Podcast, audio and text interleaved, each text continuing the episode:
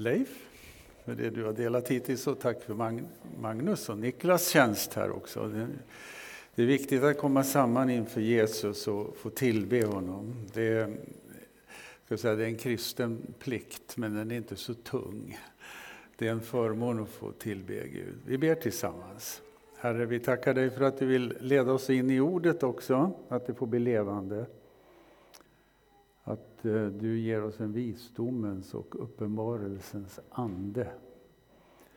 Att du får beröra våra hjärtan så att vi ser, så att vi fylls av tro. Vi tackar dig för att i dig är vi ett. Tack för att vi får dela den här tanken om enhet och bönens betydelse. Lovat vare ditt namn. Amen.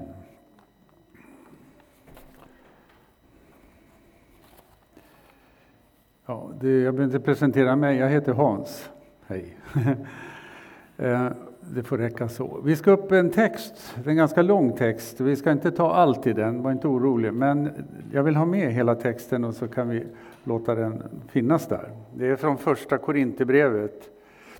Jag fastnade för den då med tanke på ämnet enhet. Men som sagt, vi är inne i en böneperiod här nu då vi också vill trycka på betydelsen av enhet i bönen. Och det finns ju särskilda bibelord som adresserar åt det hållet. Att man kan vara överens, att man finner en väg i bönen i en överenskommelse, att det är en väldig kraft i det.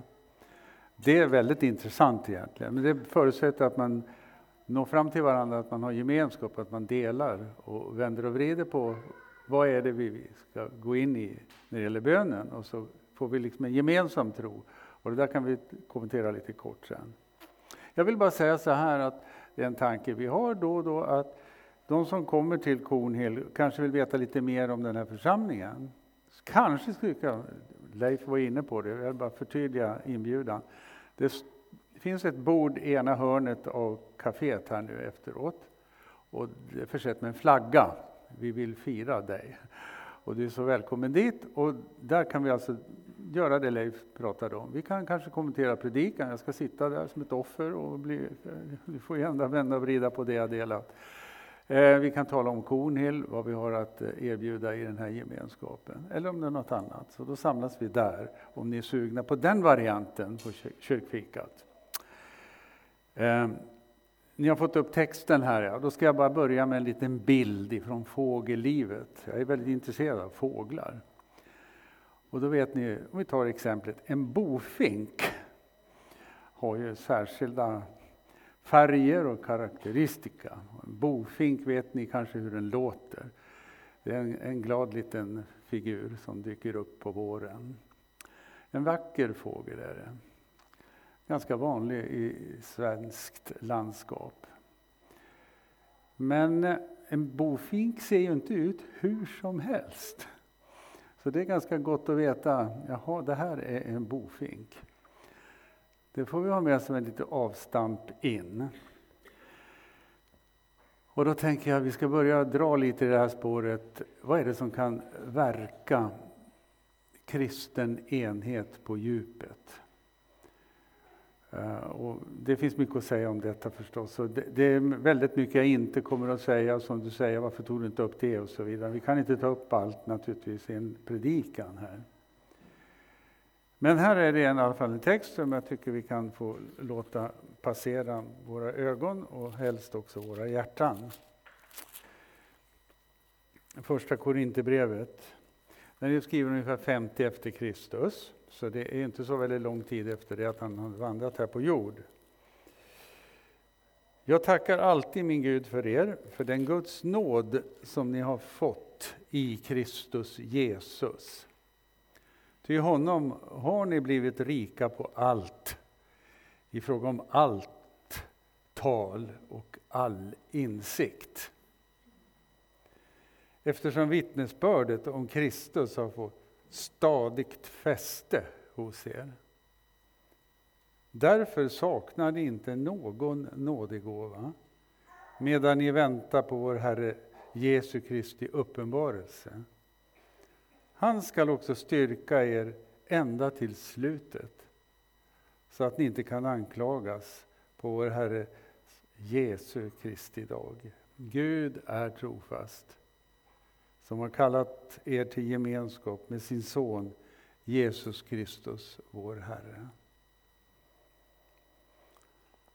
Du, när man läser en sån här text, vi ska ju läsa mer, men när man läser en sån här text då, då, då liksom poppar det igång. Det är som när man tillverkar popcorn. Eh, man läser en text och så börjar det röra på sig och man ser olika trådar dyka upp. Så är det ju med bibelläsningen, den är väldigt spännande. Och har vi kommit in lite grann i bibelläsning så känner vi igen bibelställen och bibelrum öppnar sig. Och har vi kanske levt med Herren ett antal år så kanske vissa erfarenheter blandas in i det här också. Men trycket är ju nu Jesus och vad vi har fått och att vi är rika på allt. Och det här har haft ett särskilt, alltså en särskild ingång i mitt liv vid flera tillfällen i fråga om allt vad tal och insikt eller kunskap heter, heter i en gammal bibelöversättning. Får, får vittnesbördet fäste, alltså om Jesus Kristus i våra liv, så saknas inte eh, förmågan att säga något om Jesus. Och det finns alltså en, en grundkunskap som kommer till oss som en gåva genom Guds ord främst. Och då har vi något att säga.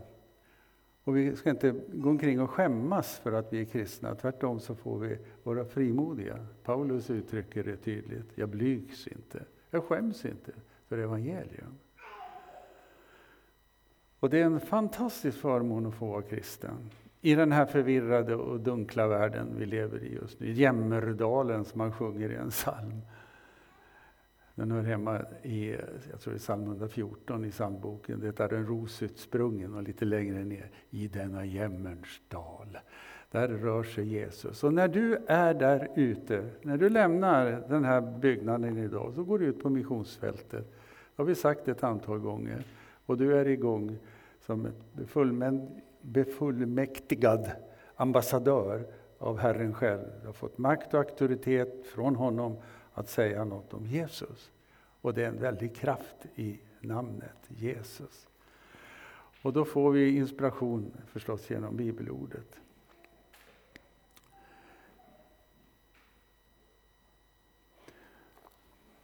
Gud står bakom och han är med oss och han är väldigt trofast. Och det han har startat upp i oss, det vill han också dra fram till seger i fullbordan. Han ska dock styrka er ända till slutet. Mm.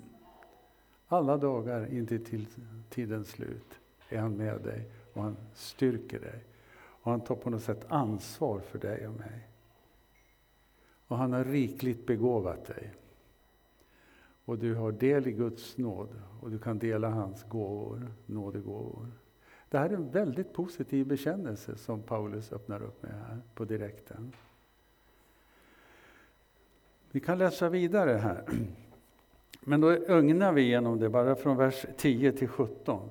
Och där är ett litet problem. Vi läser inte alltihopa, men jag bara säger vad det handlar om där.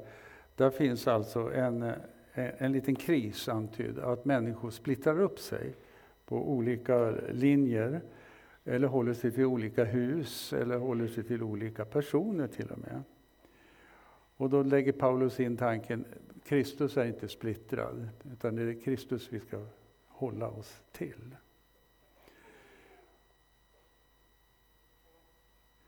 En, en nyckelvers i det avsnittet är vers 13. Är Kristus delad?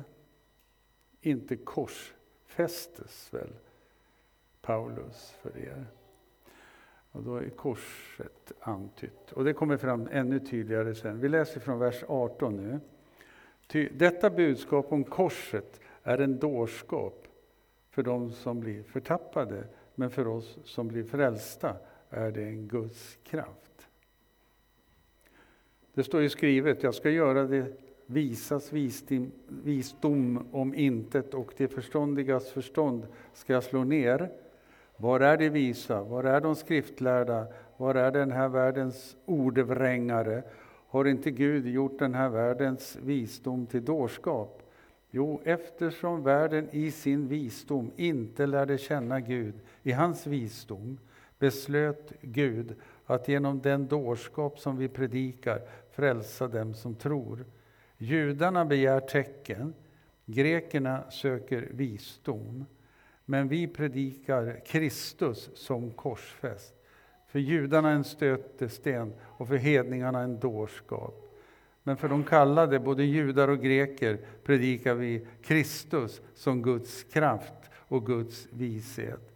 Ja, Guds dårskap är visare än människor och Guds svaghet är starkare än människor. Bröder, se på er kallelse. Inte många av er var visa om man ser till det yttre. Inte många var mäktiga, inte många av förnäm släkt. Nej, det som för världen var dåraktigt har Gud utvalt för att låta det visa stå där med skam. Och det som för världen var svagt har Gud utvalt för att låta det starka stå där med skam. Och det som för världen var oansenligt och föraktat, ja, det som inte var till har Gud utvalt för att göra till intet det som var till. För att ingen människa ska berömma sig inför Gud. Honom har ni att tacka för att ni är i Kristus Jesus, som Gud för oss har gjort till vishet, rättfärdighet, helgelse och återlösning. För att det ska ske som står skrivet, den som berömmer sig ska berömma sig av Herren. Klart att det här är en väldigt kompakt text och den här kan ni bo i. Tips alltså, läs inte för fort. Utan när du är i en sån här avdelning kanske, så, så låt orden komma lugnt och stilla. Ta ett par ord i stöten. Sitt i lugn och ro och var bedjande över ordet och låt Gud tala. Det är så otroligt mycket bakom de här orden som nu Paulus delar med oss. Men man kan säga korset lyfts ju fram med väldigt tydlighet. Och där är vi då. En bofink ser inte ut hur som helst. Och kristen tro ser inte ut hur som helst. Och det som är så att är adelsmärket för kristen tro, eller kristendom, det är just korset. Och det är talet om Jesu död och uppståndelse, om syndernas förlåtelse, om pånyttfödelse som är en effekt av syndernas förlåtelse och den helige Andes delaktighet för den som tror på detta. Och att människan blir så att säga mm, förd in i ett nytt tillstånd där hon kan börja verka på ett spontant och, och eh, autentiskt, alltså på ett verkligt levande sätt. Inte ansträngt eller så. Det är väldigt naturligt för en kristen att vara kristen. Så att det här är ett, ett verk Gud gör och det är så skönt att veta det. Att du kan liksom luta dig inåt om du så vill och ta emot det som Gud har lagt ner i dig. Och han har tillfört detta i ditt liv genom Jesu död och uppståndelse.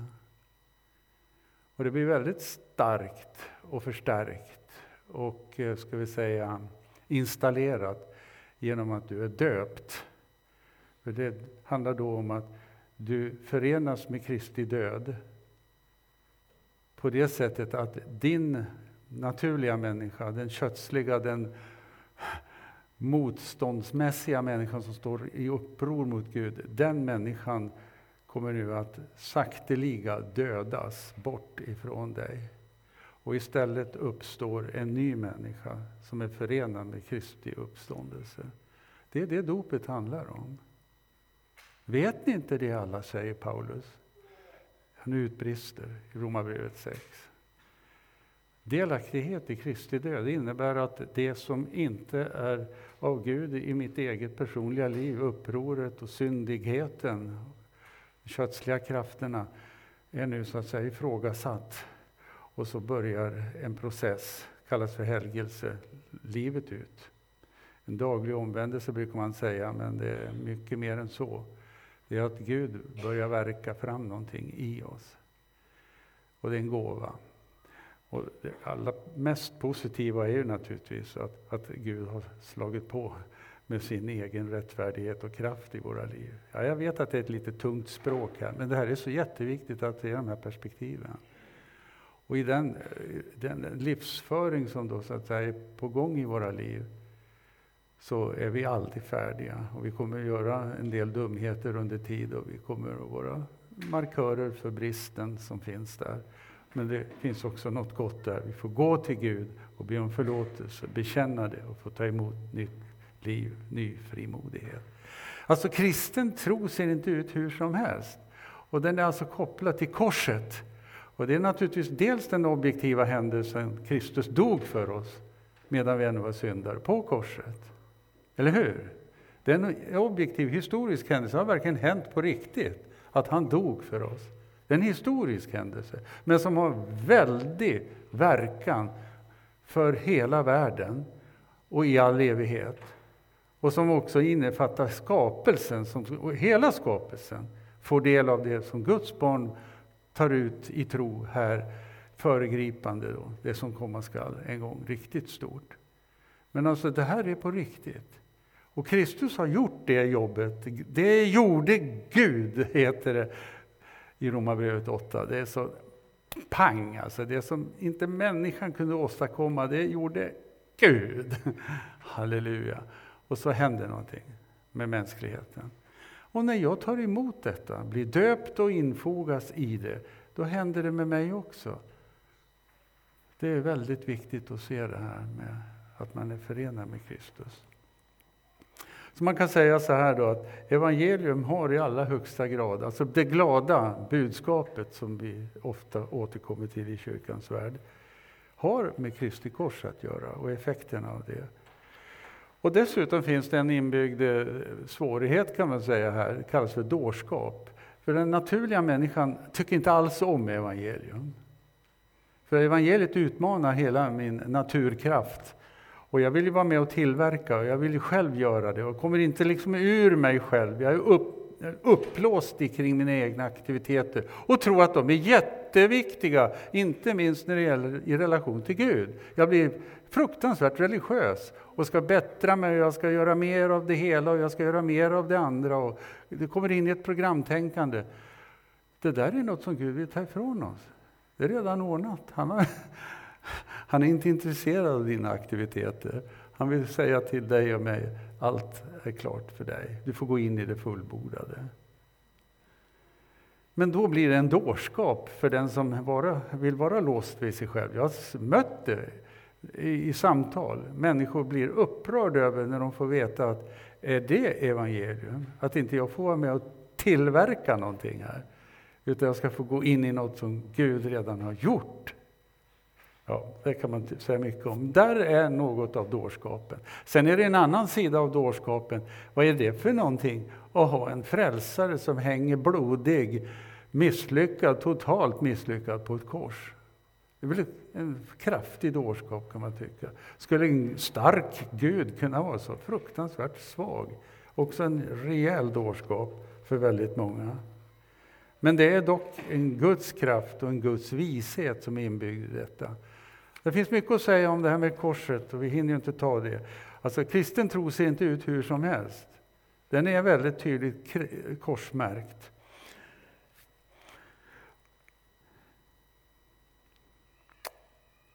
Jag slog upp Wikipedia. Det är rätt kul att göra det och fråga vad är evangelium? Och då definierar Wikipedia. Evangelium eller evangeliet åsyftar det kristna budskapet i Bibelns evangelium så som det brukade uppfattas i den tidiga kyrkan.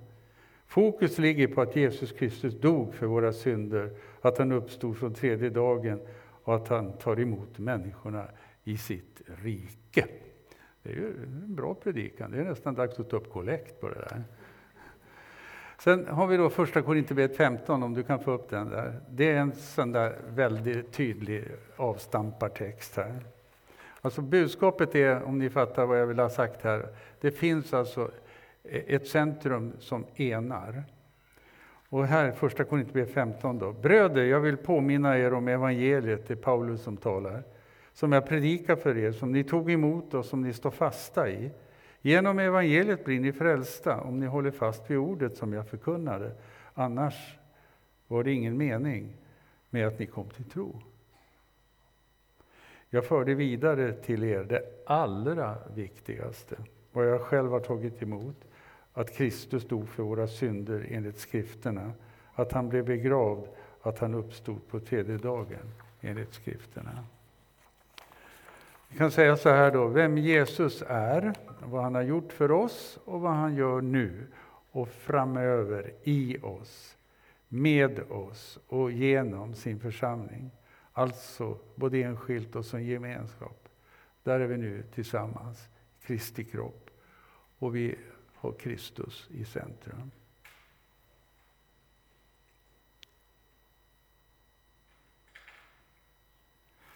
Man kan uttrycka sig så här också, jag vet inte, jag vill kanske hitta den i någon text någonstans, men jag gillar tanken. Att budskapet om Jesus, om korset, hans död och uppståndelse, syndernas förlåtelse, är själva plogspetsen som öppnar upp så att vi kan få del i Guds rike. Eller med andra ord, den helige Andes kraft. Alltså utan, utan kors finns det inte möjlighet att få ta emot Anden. Påsken hör ihop med pingsten. Påsken öppnar för pingsten, alltså korset öppnar för pingstens kraft. Det här är alltså superviktigt att vi som kyrka, världen över, då, får vara eniga i det här centrala budskapet och få lära känna då hela evangeliet. Och det som möjligen då kan ställa till problem i en kristen gemenskap eller kyrkorna emellan, Där är när särintressen tar en sån otrolig plats att det skymmer Kristus själv. Och det leder ofta över till, alltså om vi lämnar fokus på vad Jesus har gjort, så leder det nästan som en naturlag över till att vi blir självupptagna och väldigt fokuserade på vårt eget, hur vi ska få till det, vad vi ska göra. Men sen när du vänder tillbaka till Kristus, då, då slår dårskapen till och utestänger vårt eget beröm.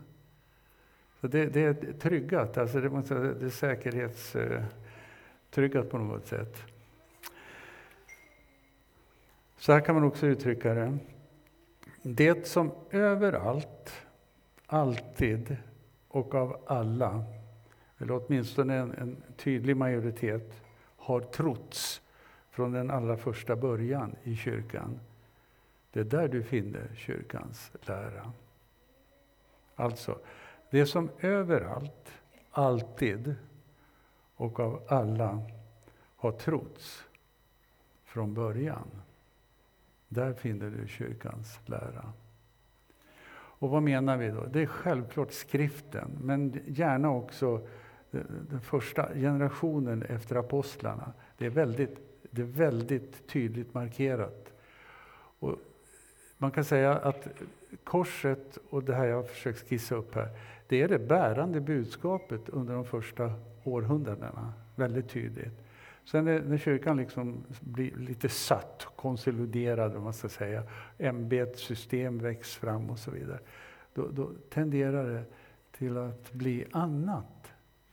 Väldigt styrande system som har en tendens att ja, faktiskt skymma Kristus.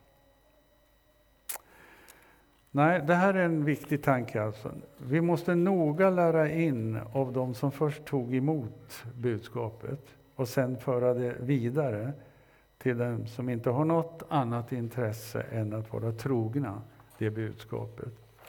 Och Jesus säger ju själv, älskar vi Jesus så vill vi hålla oss till hans bud. Hålla hans bud. Eh, I Fesebrevet som vi gärna citerar, men där heter det också i kapitel 2, vers 19, att kyrkans själva fundament är apostlarna och profeterna. Och då menar ju Paulus nummer ett, apostlarna då, alltså de tolv. Den, den gruppen som är sänd av Jesus Kristus, som har särskilt uppdrag att förtydliga vad kristen tro handlar om. Och när man pratar om profeterna på Paulus tid, 50-60 efter Kristus, då är det naturligtvis Gamla testamentets profeter som är i fokus. Sen finns det profetiska gåvor och det finns exempel på det. Alltså mera så att, eh, ja, kringvandrande män eller kvinnor som kunde dela ett ord. Så det finns exempel på i Apostlagärningarna, men i det här avseendet är det något annat. Ja, kan, man kan uppehålla sig länge vid det här, för det är jätteviktigt. Jag tror att man gång efter annan behöver liksom stanna upp som kyrka och, och fundera över vad är kristen tro egentligen i någon slags eh, eh absolut kärninnehåll. För hittar vi kärninnehållet och är överens där, då har vi mycket lätt med enheten. Men om kärninnehållet är grumligt eller skadat eller skjuts åt sidan, uppstår det gärna partisinne och då får vi problem. Så har det varit i kyrkans tid, över tid. Och därför så har vi eh, en del hjälp av trosregler. Den, en är ju då den apostoliska trosbekännelsen. Och jag ska inte hålla på så länge efter detta, men vi har en liten grej till jag vill säga. Men här kan vi stå upp tillsammans och praktisera det som har varit den, den gamla bekännelsen som bär än idag. Den har rötter ända ner mot urkyrkan. Den användes särskilt vid dopen. Ska vi ta och få upp den apostoliska trosbekännelsen, tar vi och bekänner oss till vår kristna tro. Där får man alltså en trosregel, en hjälp.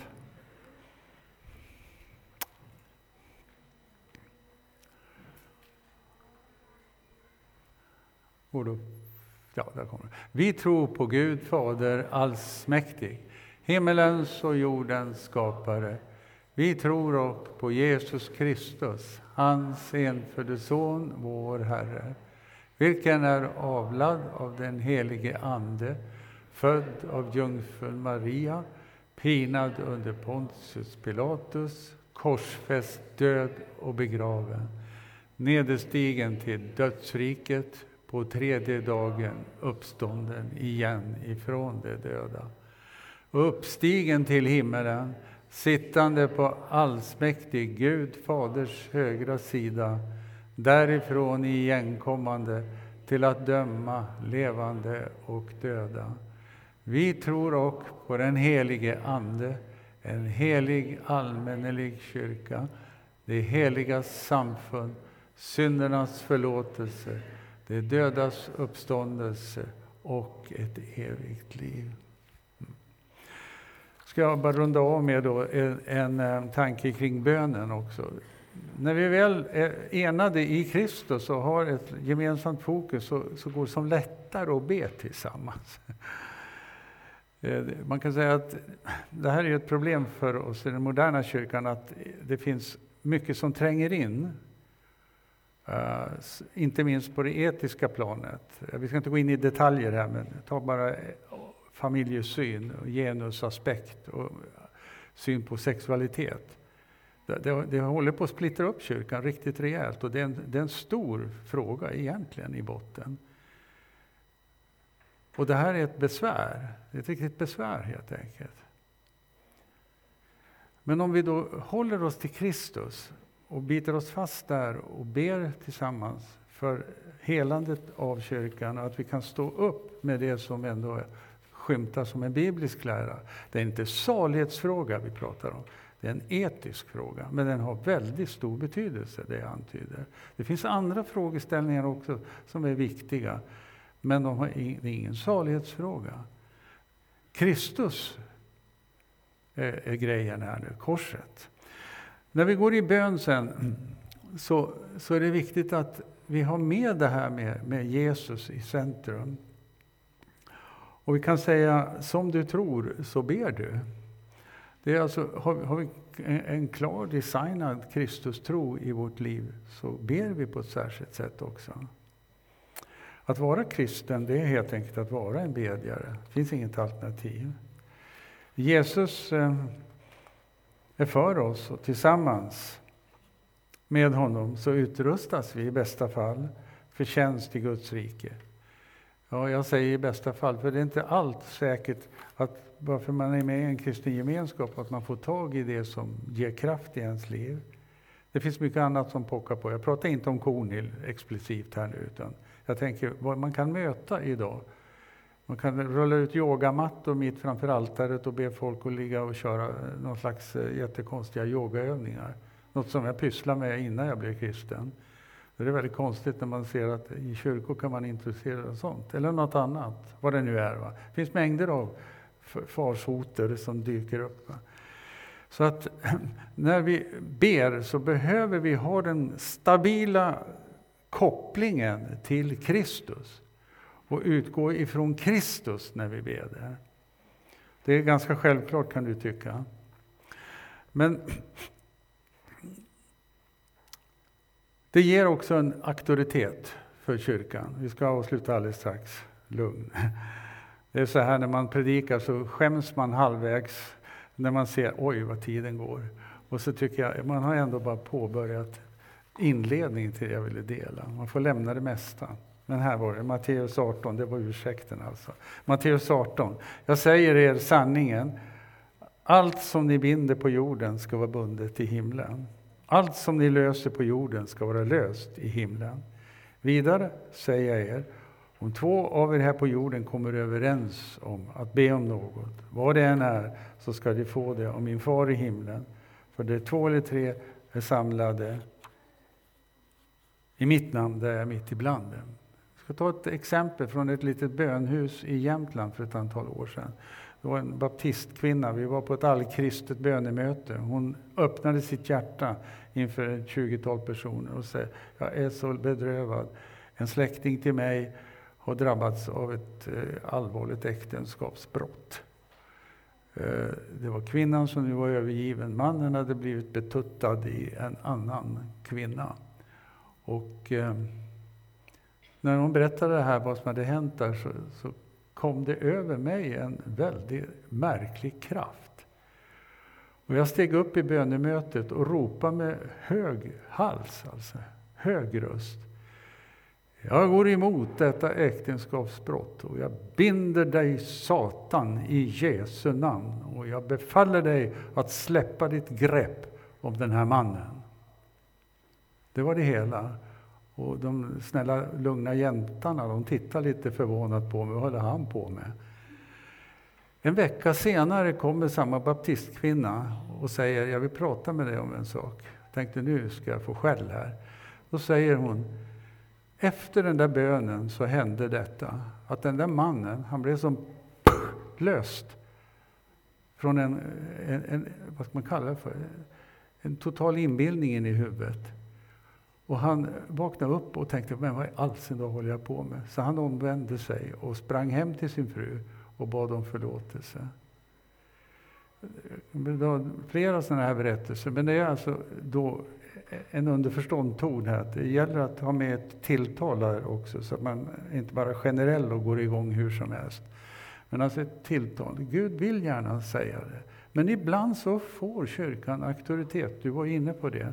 Och jag tror när det gäller Ryssland att du ska våga be ut riktigt kraftfulla eh, eh böner där hemma och gå emot den andevärld som härskar över det. Alltså det är helt uppenbart. Kan vem som helst förstå att det är bestialiskt det som händer. Och där är det alltså sataniska krafter som opererar och vi, vi måste gå emot detta i Jesu namn. Och det är vår plikt som kristna att göra det. Och därför är jag inne på slutklämmen här nu. Om vi har funnit en enhet i Kristus och vi börjar förstå att det är, det är viktigt med bön och det skulle kunna sägas mycket, mycket mer om det förstås. Men när vi då samlas till bön, då är det inte bara en liten, en, en, en liten trevlig stund som man kan välja eller inte välja att komma till. Utan jag menar nog på fullt allvar att det är kyrkans plikt att infinna sig till bönen. nu var jag sträng. Du behöver inte skälla på mig efteråt. Jag, men du får prata med mig, det gör det bra. ni älskar mig hoppas jag, även fast ni inte håller med vad jag säger. Alltså jag menar bara att när, när, när kyrkan är kallad till bön, det kan ju se på väldigt många olika sätt ut förstås. Enskilt och i hemmen och i bönegrupperna och hemgrupperna, ja. Men det finns någonting här när det är sådana kristider, vi har ju varit med om den här enorma pandemin. Jag kan inte avläsa det direkt i bönemötena. Eller nu när, när, när vi kan stå på tröskeln till ett tredje världskrig. Jag kan inte avläsa det i bönemötet. Det är nästan som om det är tvärtom. Att man kommer ännu mindre till bönen. Nu pratar jag mycket till mig själv också. Jag, jag vill inte döma någon, men jag vill bara ställa den här frågan. Tror vi inte på bönen? Det vill säga, tror vi inte att Gud verkar? Om man säger ja till olika förtroendeuppdrag i en församling så tycker jag det är det mest självklara att man börjar fundera över vad har jag för relation till församlingens böneliv? Tänk man hör en, en präst berätta, en präst, Svenska kyrkan, det kan vara i vilket sammanhang som helst, men berätta att kyrkorådets ordförande lever på ett sätt som inte liksom, kan man säga, harmonierar med, med kyrkans traditionella etik, uttryckt elegant. Va? Personen i fråga har väldigt makt, ordförande i ett kyrkoråd, har makt när det kommer till att anställa personal och kan för sitt liv inte tänka sig att få in präster i församlingen som har en annan, mera traditionell kyrklig syn på äktenskapet. Utan sorteras bort bara. Kommer aldrig någonsin själv till gudstjänst men har eh, fått en politisk makt att bestämma över kyrkan. Hur gör vi? Halmstad är ganska illa ute just nu, men hur gör vi? Vi måste vara i bönen för det här och ta in de här signalerna. Ni hörde mötesledaren och jag vill bara påminna om det. Det är på riktigt det här. Vi måste be.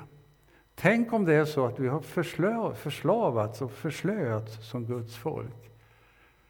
Så att det kan hända vad som helst nu, att murarna är nedrivna.